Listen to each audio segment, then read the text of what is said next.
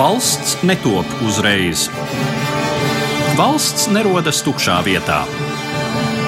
Latvijas valsts saknes meklējamas mūsu tautas un zemes vēstures gadsimtos. Šogad Latvijas simtgadi gaidot, ieskicējām šo vēstures gaitu, raugoties caur spilgtu un laikmetus raksturojošu personību prizmu. Raidījumu cikls septiņi gadsimti ceļā uz valsti ēterā katra mēneša pirmajā trešdienā Latvijas Radio 1. Labdien, cienījamie klausītāji! Mūsu šodienas varonis, 18. gadsimta rīznieks, ceļotājs, kolekcionārs Nikolaus jeb Nikolais von Himzels. Par to, kas bija Himzels, mana šodienas saruna ar grāmatniecības pētnieku Arti Ērgli. Labdien! Labdien! Un vēstures zinātņu doktoru Edgars Ceski. Labdien! Himzels nodzīvoja nepārāk ilgu mūžu. Viņš ir dzimis 1729. gadā un jau 1764. devies mūžībā, taču savos 35 dzīves gados paguvis paveikt pietiekami daudz. Ar viņa vārdu saistās trīs Latvijas muzeja pirmsākumi, un viņš ir atstājis visai ievērojamu kultūra vēsturisko mantojumu, pirmām kārtām savas ceļojumu dienas grāmatas formā. Vispirms par to, kāda ir Nikolausa Himzela izcelšanās. Nikolaus von Himzels ir dzimis Rīgā. Viņa tēvs Johims Gebhards Himzels ir bijis Rīgas pirmais ārsts, kas tajā laikā skaitījās ļoti augsts tituls. Nikolausa von Himzela, toreiz vēl nevis von, bet vienkārši Himzela, māte Katrīna dzimusi Martīni, un viņas tēvs savukārt arī ir bijis Rīgas pilsētas galvenais ārsts, un viņa tēvs arī ir bijis, tad šī bijis tā kā ārstu dinastija, bet Nikolai Himzela tēvs gan nav nācis no ārsta aprindā, viņa tēvs ir bijis Rīgas pilsētas naudas kaltuves meistars kas arī ir pietiekami Jā. sociāli augsts amats. Bet tā tad tie ir Rīgas pilsoņi. Ne gluži patrīcieši, ne aristokrātija, bet tie, kurus mēs varam uh, uzskatīt par Rīgas ekonomisko un arī lielā mērā administratīvo mugurkaulu. Negribētos īsti piekrist, ka viņi nebija patricieši. Viņi bija patricieši īpaši mātes līnijā. Mātes radiniece bija precējusies ar Bērentu. Bērentu dzimta vispār ļoti pazīstama Rīgā, viņi ļoti bagāti tirgotāji bija. Un arī bija saradojušies ar ievērojumiem Rīgas rādskungiem, kā piemēram jau minētiem Bērensiem, Fonvīdaviem, Drēlingiem, Švarciem un tā tālāk. Tā kā Himzels noteikti varētu pieskaitīt pie patriarciāta. Protams, viņi nebija mužnieki, bet pilsētnieki jau sevi neuzskatīja par zemākiem, tāpēc par mužniekiem. Nikolausa Himzela dzīves gājums viņš arī izvēlas šo toreiz visnotaļ prestižo un ienesīgo mediķu karjeru. Nu, redziet, tā izvēlēšanās bija ļoti relatīva, jo tajos laikos, piemēram, zeltkaļa dēlam noteikti bija jākļūst par zeltkali vai kurpnieka dēlam par kurpnieku, un starp citu, Himzeļa vecāki pēc nostāstiem esot vēlējušies, lai viņš kļūst par aptiekāru, ko viņš nesot gribējis. Katrā gadījumā Viņš ir uh, studējis tādā Getingenas universitātē un sākumā, starp citu, tēvs nav gribējis viņu laist Getingenā, bet sūtīt uz Leideni, kur viņš pats ir mācījies. Bet tomēr Nikolasa von Himzeļa uzstājība ir panākusi to, ka viņš tomēr ir nonācis šajā Getingenā. Tā kā šeit varētu darboties no vienas puses gan šī ģimenes tradīcija, gan arī Nikolasa Himzeļa uzstājība, patstāvība nedaudz savu ceļa gājējs viņš bija. Viņš par aptiekāru nekļuva, viņš kļuva par Rīgas pilsētas toreiz diezgan augsti titulēto pirmo ārstu. Viņa uzdevums bija apmeklēt slimniekus un, acīm redzot, arī neizvairīties no tādu nevisai bagātu slimnieku apmeklēšanas, jo medicīna tajos laikos manā uztverē, varbūt es maldos, bet man liekas, bija ļoti demokrātiska. Un, starp citu, arī viņa aiziešana mūžībā ir saistīta ar šo faktu. Iespējams, ka tā bija diftērija, iespējams, kaut kāda cita slimība. Viņš saslima tātad apmeklēdams slimnieku un aizgāja mūžībā. Nu jā, pēc mūsdienu izpratnes viņš bija terapeits, tā varētu teikt, jo ķirurgi tajā laikā piederēja pavisam citai cunftei, bārdzinis un ķirurgs. Tas skaitījās zemāks amats, kā Himzeļa darbības lokus bija tas, ko mēs mūsdienās varētu par terapeitisko ārstēšanu uzskatīt. Bet, protams, viņa nopelns Rīgas pilsētnieku vēsturē nebūtu nav tieši tā ārstniecība, bet citas lietas, ko viņš papildus dzīvē ir izdarījis. Vispirms es gribētu pieskarties viņam kā kolekcionāram, paraudzīties uz to, kas tad toreiz bija kolekcionēšana un kā toreiz kolekcionāri uztvēra savu no vienas puses vaļasprieku, bet es gribētu teikt arī misiju. Tas ir diezgan interesants jautājums, un vēl te Nikolaus Fonhimzelu mēs saucam par Latvijas muzejniecības tēvu. Jūs jau pareizi teicāt, ka vismaz trīs muzeji ir uz viņa bāzes dibinājušies. Mēs redzam priekšmetus no Himzeļa kolekcijas gan Rīgas biržā, gan Rīgas vēstures kuģniecības muzejā, gan uh, Latvijas dabas muzejā.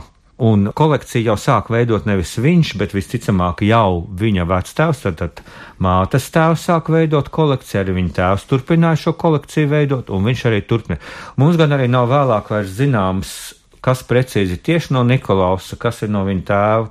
Arī monētas viņa krāja, diezgan liela kolekcija no Himzela muzeja. Un jāsaka, te ļoti labi piemēru dod viņa dienas grāmatas, kur ir redzams, ka jau ar ceļojumu pirmajām dienām katrā pilsētā, kur viņš viesojas, jauns tikko studijas beidzis puisis, bet laikam jau viņam Gettingenē par to bija interese radusies, un viņš katrā pilsētā, vai tā bija Kenigsberga vai Dānciga, apmeklēja vietējos cilvēkus, kuriem bija kādas kolekcijas.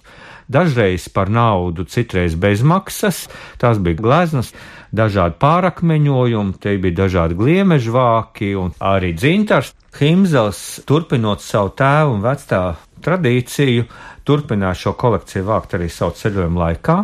Ceļojuma piezīmes gan precīzi nepasaka, ko kurā vietā viņš ir guvis. Bet katrā gadījumā ir skaidrs, ka viņš ir turpinājis papildināt šo kolekciju, veidojot viņu atbilstoši tā laika principiem, kā jāveido šīs kolekcijas. Un arī 18. gadsimts saistās ar to, ka sāka veidoties šo kolekciju pieejamība sabiedrībai, atvērtību sabiedrībai, gan privāto, gan arī pirmo muzeju izveidi, un tas ir arī tas, kas varbūt ir Himzeļ, ka viņš savā testamentā ierakstīs, ka viņš vēlas šo kolekciju padarīt publiski pieejamu, un tādā veidā tiek nodibināts viens no senākajiem publiski pieejamiem muzejiem Eiropā, kuriem burtiski pēc sešiem gadiem mēs jau atzīmēsim 250. gada dienu. Tas ir tagadējais Rīgas vēstures un kuģniecības muzejs. Tajā brīdī bija nosaukts Himzeļa muzejs, kas atradās tagad vairs nēsošā ēkā bijušajā anatomikumā. Par Himzeļa novēlējumu Te arī var vilkt tādas spilgtas paralēlas. Pirmais, kas nāk prātā, ir eh, Britu muzejs, kurš arī top un pie kam burtiski tais pašos gados, 18. gadsimta 60. gadi. Nu, bet iedomājieties Britu iespējas un vienu Himzelu vienā Rīgā. Jā, jā, bet jā. Eh, starp citu, kas interesanti runāja par Britu muzeju, viņš nevienreiz vien atsaucās uz to Hansa Slona, uz kura novēlējuma pamata tapa šis Britu muzejs. Viņš par viņu sajūsminās, ne tikai par viņu vien, bet arī par citiem bagātiem mecenātiem, kolekcionāriem kolekcionāriem, kuri novēlējuši. Un acīm redzot, viņa doma ziedot savu kolekciju Rīgas pilsētai, tāpat tieši kontekstā ar šo slona dāvinājumu un vēlāko Britu muzeja dibinājumu. Ievērojot, ka Himzeļa kolekcijas ir uh, šobrīd sadalīts vairākos muzejos, vai uh, tomēr ir fiksēts tas, kā šie priekšmeti ir nākuši tieši no Himzela kolekcijas, jo, manuprāt, tas ir ārkārtīgi interesanti. Šī kolekcija kā kopums, tas ir pētniecības avots pats par sevi. Nepārprotami, es domāju, ka mēs nekad simtprocentīgi nenoskaidrosim visu priekšmetus, kas tur ir bijuši, bet par diezgan daudziem uh, Kopskaitā tie varētu būt ap tūkstots priekšmetu, no kuriem lielākā daļa ir mineraloģiskā kolekcija Latvijas dabas muzejā, bet tās ir arī gleznas, tās ir dzīvnieku kādas daļas, teiksim, bruņurupuču bruņas, tās ir šaha figūriņas, tās ir grāmatas, bet tajā laikā netika veidot tādu sarakstu un inventāru numuru kā pašreiz, tādu tika veidot tikai vēlākā gaitā, teiksim, zināmas monētas, kas ir nākuši no Himzeļa muzeja bet mēs pat nezinām, vai viņas Himzels ir nodevis un no kura no Himzeļiem, no tēva vai vectēva vai Nikolaus Himzeļa tās ir nākušas. Te jārunā par Himzela kolekciju kā tādu, vai pat precīzāk būtu jāsaka Morētus Himzela kolekcija, jo mēs nevaram identificēt precīzi, ka tas ir tajā vai tajā brīdī. Viņš daudz nerunā, kā jau Artis teica par savām kolekcijām, tas ir savā dienas grāmatā neraksta, no kurienes viņš ir ņēmis kādus priekšmetus, bet ir ļoti interesanta viena vieta, viens citāts, kur viņš norāda uz to, ka ja e, nebūtu ņēmis šos paraugus, nebūtu nopirkt šos priekšmetus, tad būtu iegūst tikai pusi no baudījumu, kādu iegūst ceļojuma laikā. Viņš raksta tā, citēju, nebūs viegli Itālijā atrast kaut ko īpaši nozīmīgu, no kā es nebūtu paņēmis kaut vai mazāko paraugu. Gan ievērojamāko retumu, attēlus vara gravīrās un zīmējumos, uz monētām gravētiem akmeņiem, marmora, gan ievērojami filozofu un oratoru portretus, ko es pēc kapitolē esēšajiem marmoru krūšu tēliem liku atliet vaskā, un vēl daudzas citas lietas, ko ceļotājs var atrast vienīgi zemes paradīzē Itālijā. Nu, līdzīgi ir norādījumi arī par Angliju. Es pat eh, pateicot šim citātam redzu divas lietas. Pirmkārt, viņš jau tajā laikā pamato to, kāpēc cilvēki turpina kolekcionēt arī mūsdienās. Puse no ceļojuma būtu, ko nu kurš ved, bet veido savas kolekcijas, un otrs, ka te arī labi parādās, ka kaut kas no tā ir saglabājies, bet, piemēram, nu, mēs stabili zinām, ka šīs vaska atlietās galvas nav atrastas un visticamāk viņas ir gājušas zudībā. Un vēl mēs varam piebilst, te mēs redzam to, kā mūsu dzīves un tā skaitā ceļošanas realitāte ir mainījusi fototehnika. Jo tas, ko šobrīd lielākoties cilvēki atved savos pie rokas nesājamajos fotoaparātos, mobilajos telefonos ļoti bieži. Toreiz nācās atliet vaskā. Ne tikai atliet vaskā, es gribētu šeit piebilst, ka viņš to, ko varbūt mūsdienu ceļotājs iegūst fotografējot šos iespējas saglabā, jeb, teiksim, uzņemot video. Himzelis fiksēja pierakstot, un viņš ir ārkārtīgi eksakts pierakstītājs, Viņš, piemēram, pieraksta visas uh, valūtas attiecības, jo Itālijā bija sadrumstalota un katrā valstī bija sava naudas sistēma, un tātad katras sistēmas, piemēram, Romas monētu attiecības pret eh, Florences un Florences pret Neapolis un tā tālāk un tā tālāk, un, protams, tas pats par Austriju, tas pats par Vācijas sīkvalstīm. Tāpat arī ļoti skrupulos tiek uzrādīts stundu skaits līdz attiecīgam objektam vai pasta stacija. Tātad kurā, arī kā labāk, kurā vietā pārvietoties, kurā kuģīti, kur jāšus. Jā, kuģīšu cenas, cenas, piemēram, karietēm, cenas, teiksim, nesamajam krēsliem un maršruts, kurš ir izdevīgāks, ar kādu tur braukt transporta līdzeklu, esat viss tik ļoti sīki, ļoti skrupulozi fiksēts. Vispirms tādos tā kā blociņos, tādos kā uzmetumos, melnrakstos saglabājas un pēc tam ir pārakstīts tīrakstā, jo ir trīs biezie sējumi. Nav ticams, ka viņš šos trīs biezos sējumus būtu vēl vadājis līdz karietē, iespējams, ka. Nē, nu te mēs skaidri redzam, ka katrā sējumā tās pilsētas, pa kurām ir aprakstīts katrā sējumā, un ļoti precīzi un arī tīri uzrakstīts bez kādiem svītrojumiem, kas ceļojuma laikā diez vai varētu notikt. Te mēs varam sākt nedaudz jau domāt par to, kāpēc viņš tā darīja, un es gribētu teikt, ka tas ir tā laika Eiropas ceļvedis. Tā kā mēs tagad kaut kur braucam, mēs vai nu pētām internetā informāciju. Nu, Himzels jau nezināja, ka Dievs viņam ir īsu mūžu atvēlējis. Viņš zināja, ka tajā laikā jau daudz lietas pastāvēja gadu desmitiem ilgi, un tādēļ, es domāju, viņš arī piefiksēja visu šīs lietas, jo tas varēja viņam noderēt kādreiz nākotnē, ceļojot kaut kur, vai noderēt viņa radiem un draugiem. Dažās vietās viņa izteicieni liek domāt, ka viņš tomēr ir domājis šo darbu izdot, iespiestā veidā. Par šo pierakstu apjomu mēs piesaucām trīs sējumus, tātad apmēram lapusēs, vai varbūt šobrīd pat jau var rēķināt rakstu zīmju skaitā. Lapuses mūsdienās paginējumus ir 1662. Iesiet trīs skaistos sējumos sādā, iesiet rokrakstā. Viņš nekad nav bijis izdots, pilnīgi nekad. Citi tā laika un vēlāk ceļojuma pieraksti Eiropā ir izdots, šis nav izdots, līdz ar to mums tieši pašreiz ir tā doma, ka vajadzētu tomēr darīt zinām sabiedrībai, ne tikai šeit Latvijā, bet tas būs interesanti arī Eiropas un pasaules pētniekiem. Pašreiz ir veikts viens posms kārtējs, un mums visas tās lapas puses ir ieskanētas, tā lai viņas varētu faksimilā pēc tam publicēt. Un te var teikt, tas kopīgais apjoms ir pašreiz 144 gigabaiti.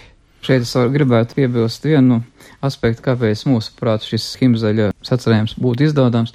Viņš ir absolūti neraksturīgs tā laika ārstu ceļojuma piezīmēm. Pirmkārt, ļoti agrīns. 18. gadsimta vidus Vācijas paša ārsti sāka ceļot 18. gadsimta otrajā pusē vairāk, un arī savu galveno uzmanību veltīja medicīnas problēmām, apmeklējot hospitāļus, aptiekas, slimnīcas, nabaga patvērsmes tam līdzīgi, bet ne vairāk. Bet Himzeļa raksturīgais un ļoti, ļoti vērtīgais ir viņa interešu daudzpusīgums.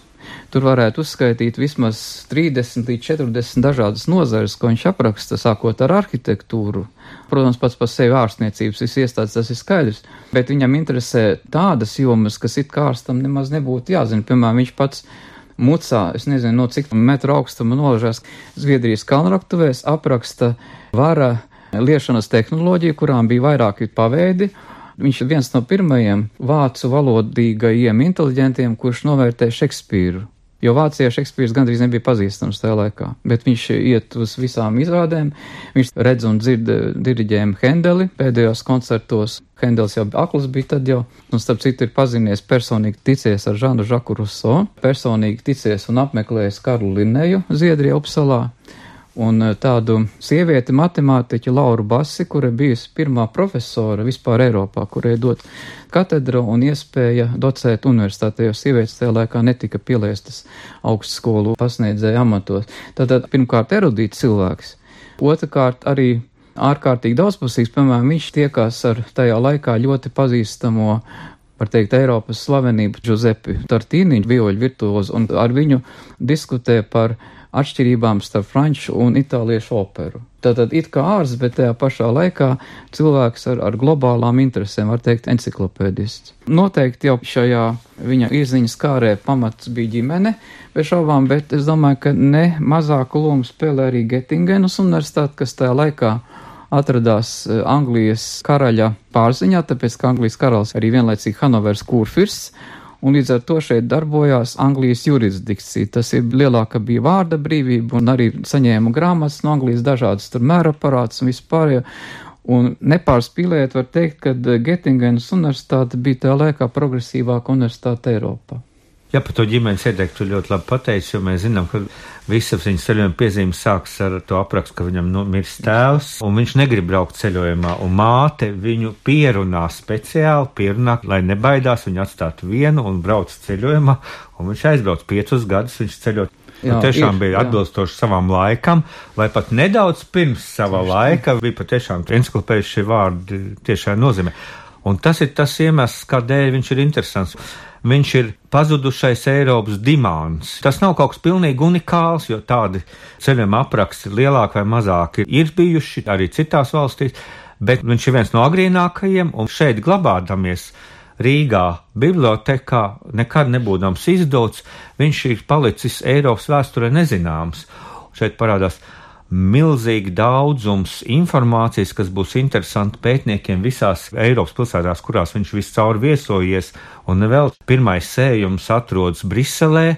Jaunajā Eiropas vēstures mājā, kur ir uz gadu atvērusies izstāde par ceļošanu Eiropā, un tad, tad viņš ir Latvijas Universitātes akadēmiskās bibliotekas reto grāmatu rokrakstu nodaļas, kur viņš glabājas tagad, ir deponēts uz Briselu šo izstādi, un kā mums jau ziņo kolēģi no Briseles muzeja, kas tur strādā, kā patiesībā sakot, jau Beļģu Briseles pētniekiem, kas to ir redzējuši, jau ir interese, jo viņš ir bijis tajā laikā Briselē un arī atstājis savus piezīmes par tā laika Briseli, Antverpenu un citām pilsētām. Šeit es gribētu uzsvērt viņa sajūsmināšanos par Angliju, kas tajā laikā bija Eiropeisko brīvību un tiesību modelis pēc kura līdzinājās domātāji daudzās valstīs, jo tomēr Anglija bija parlamentāra valsts ar preses brīvību, kas viņu ārkārtīgi izbrīna, ka tur ir ļoti daudz tādu preses izdevumu visām tām reklāmām, ar reliģisko brīvību, ar reliģisko toleranci, un ne jau velti par pamatu savam uh, šīm Anglijas aprakstam viņš izmanto Voltēra filozofiskās vēstules, viņas citē vairākām uh, rindkopām, gan nenorādot, ka tas ir Voltērs.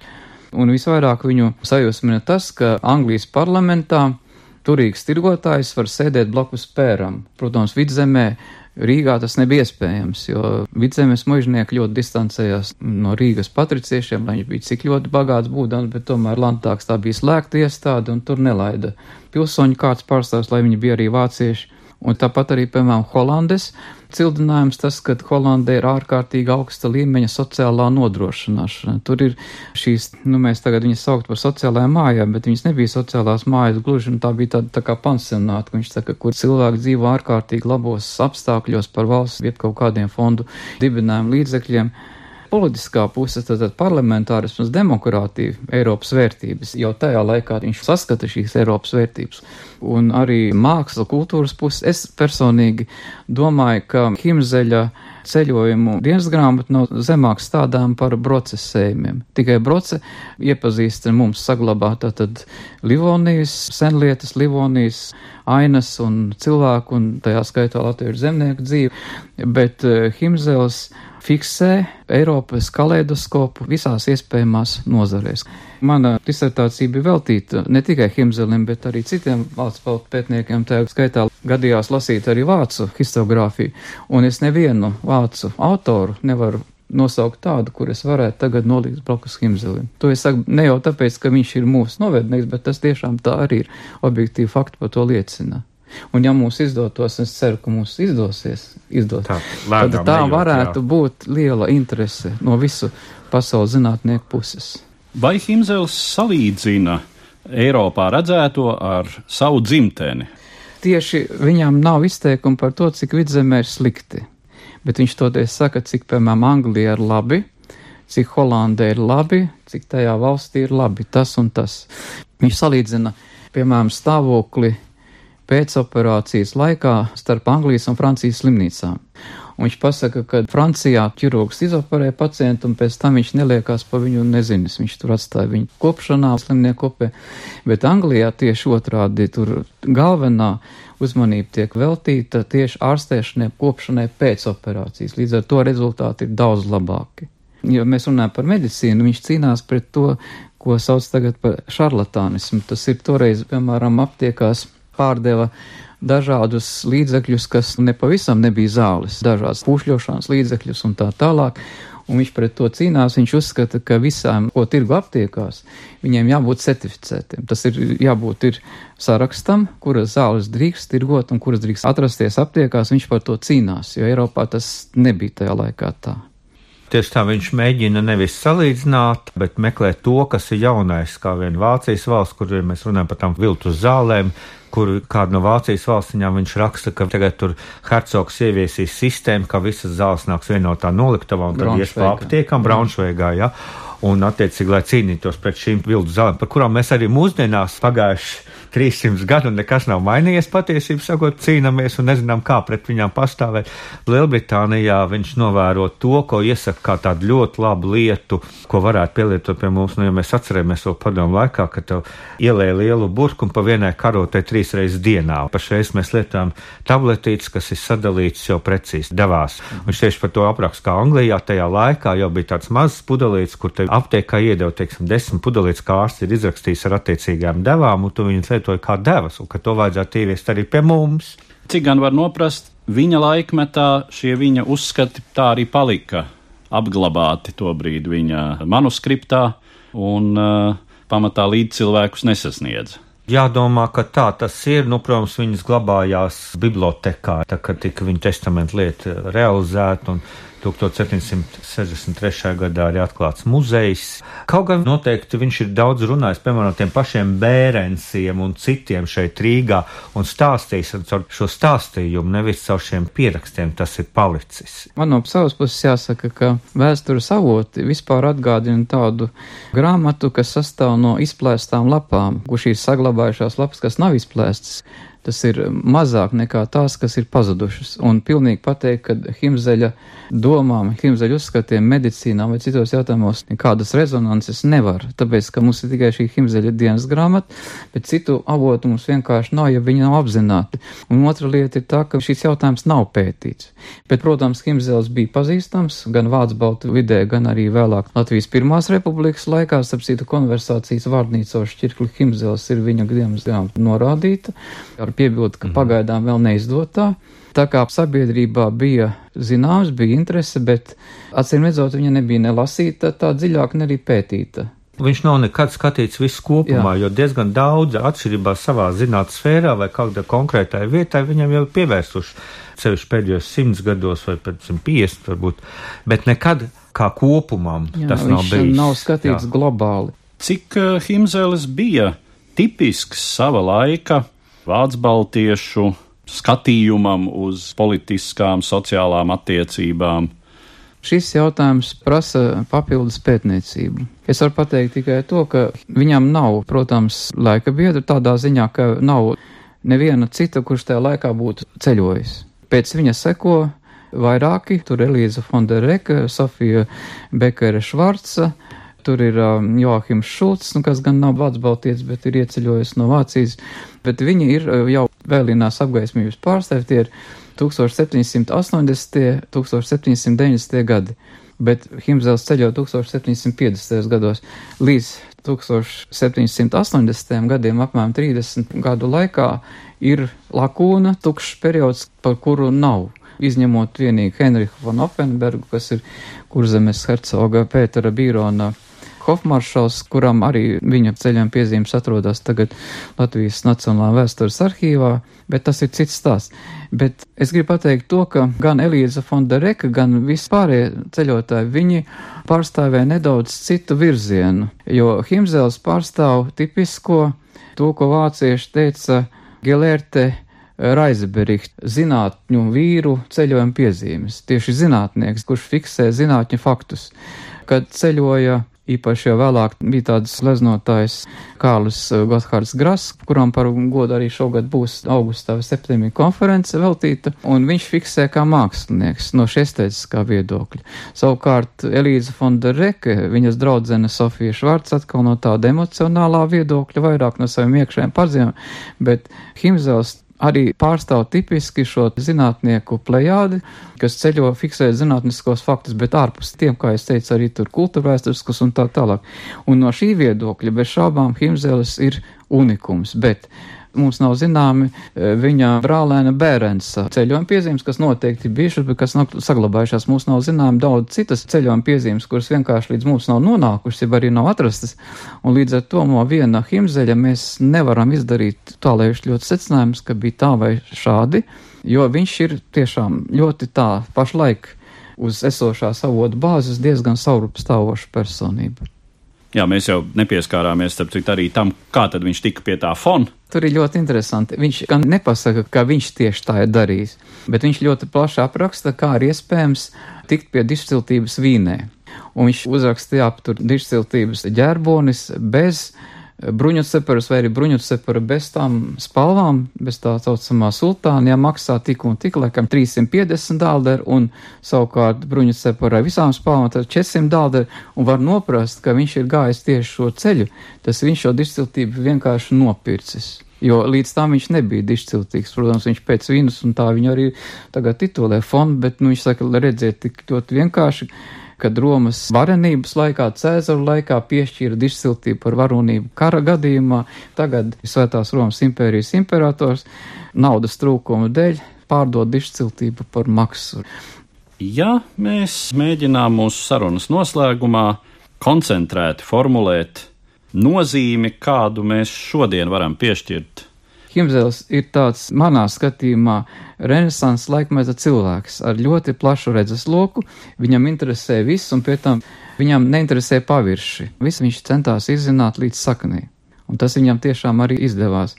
Jau 18. gadsimta vidū Himzels parāda, tā ir tā atvērtā Eiropa. Ļoti līdzīgi tāpat kā pašreiz mums Eiropā nav robežu, ir nepieciešama resursu finansējums, lai varētu realizēt šādus ceļojumus, bet tas ir tieši tas pats, kas tagad. Protams, nav dzelzceļa, nav lidmašīna, tā tālāk jāceļo pavisam citādākām metodēm, bet apskatīt var ārkārtīgi daudz.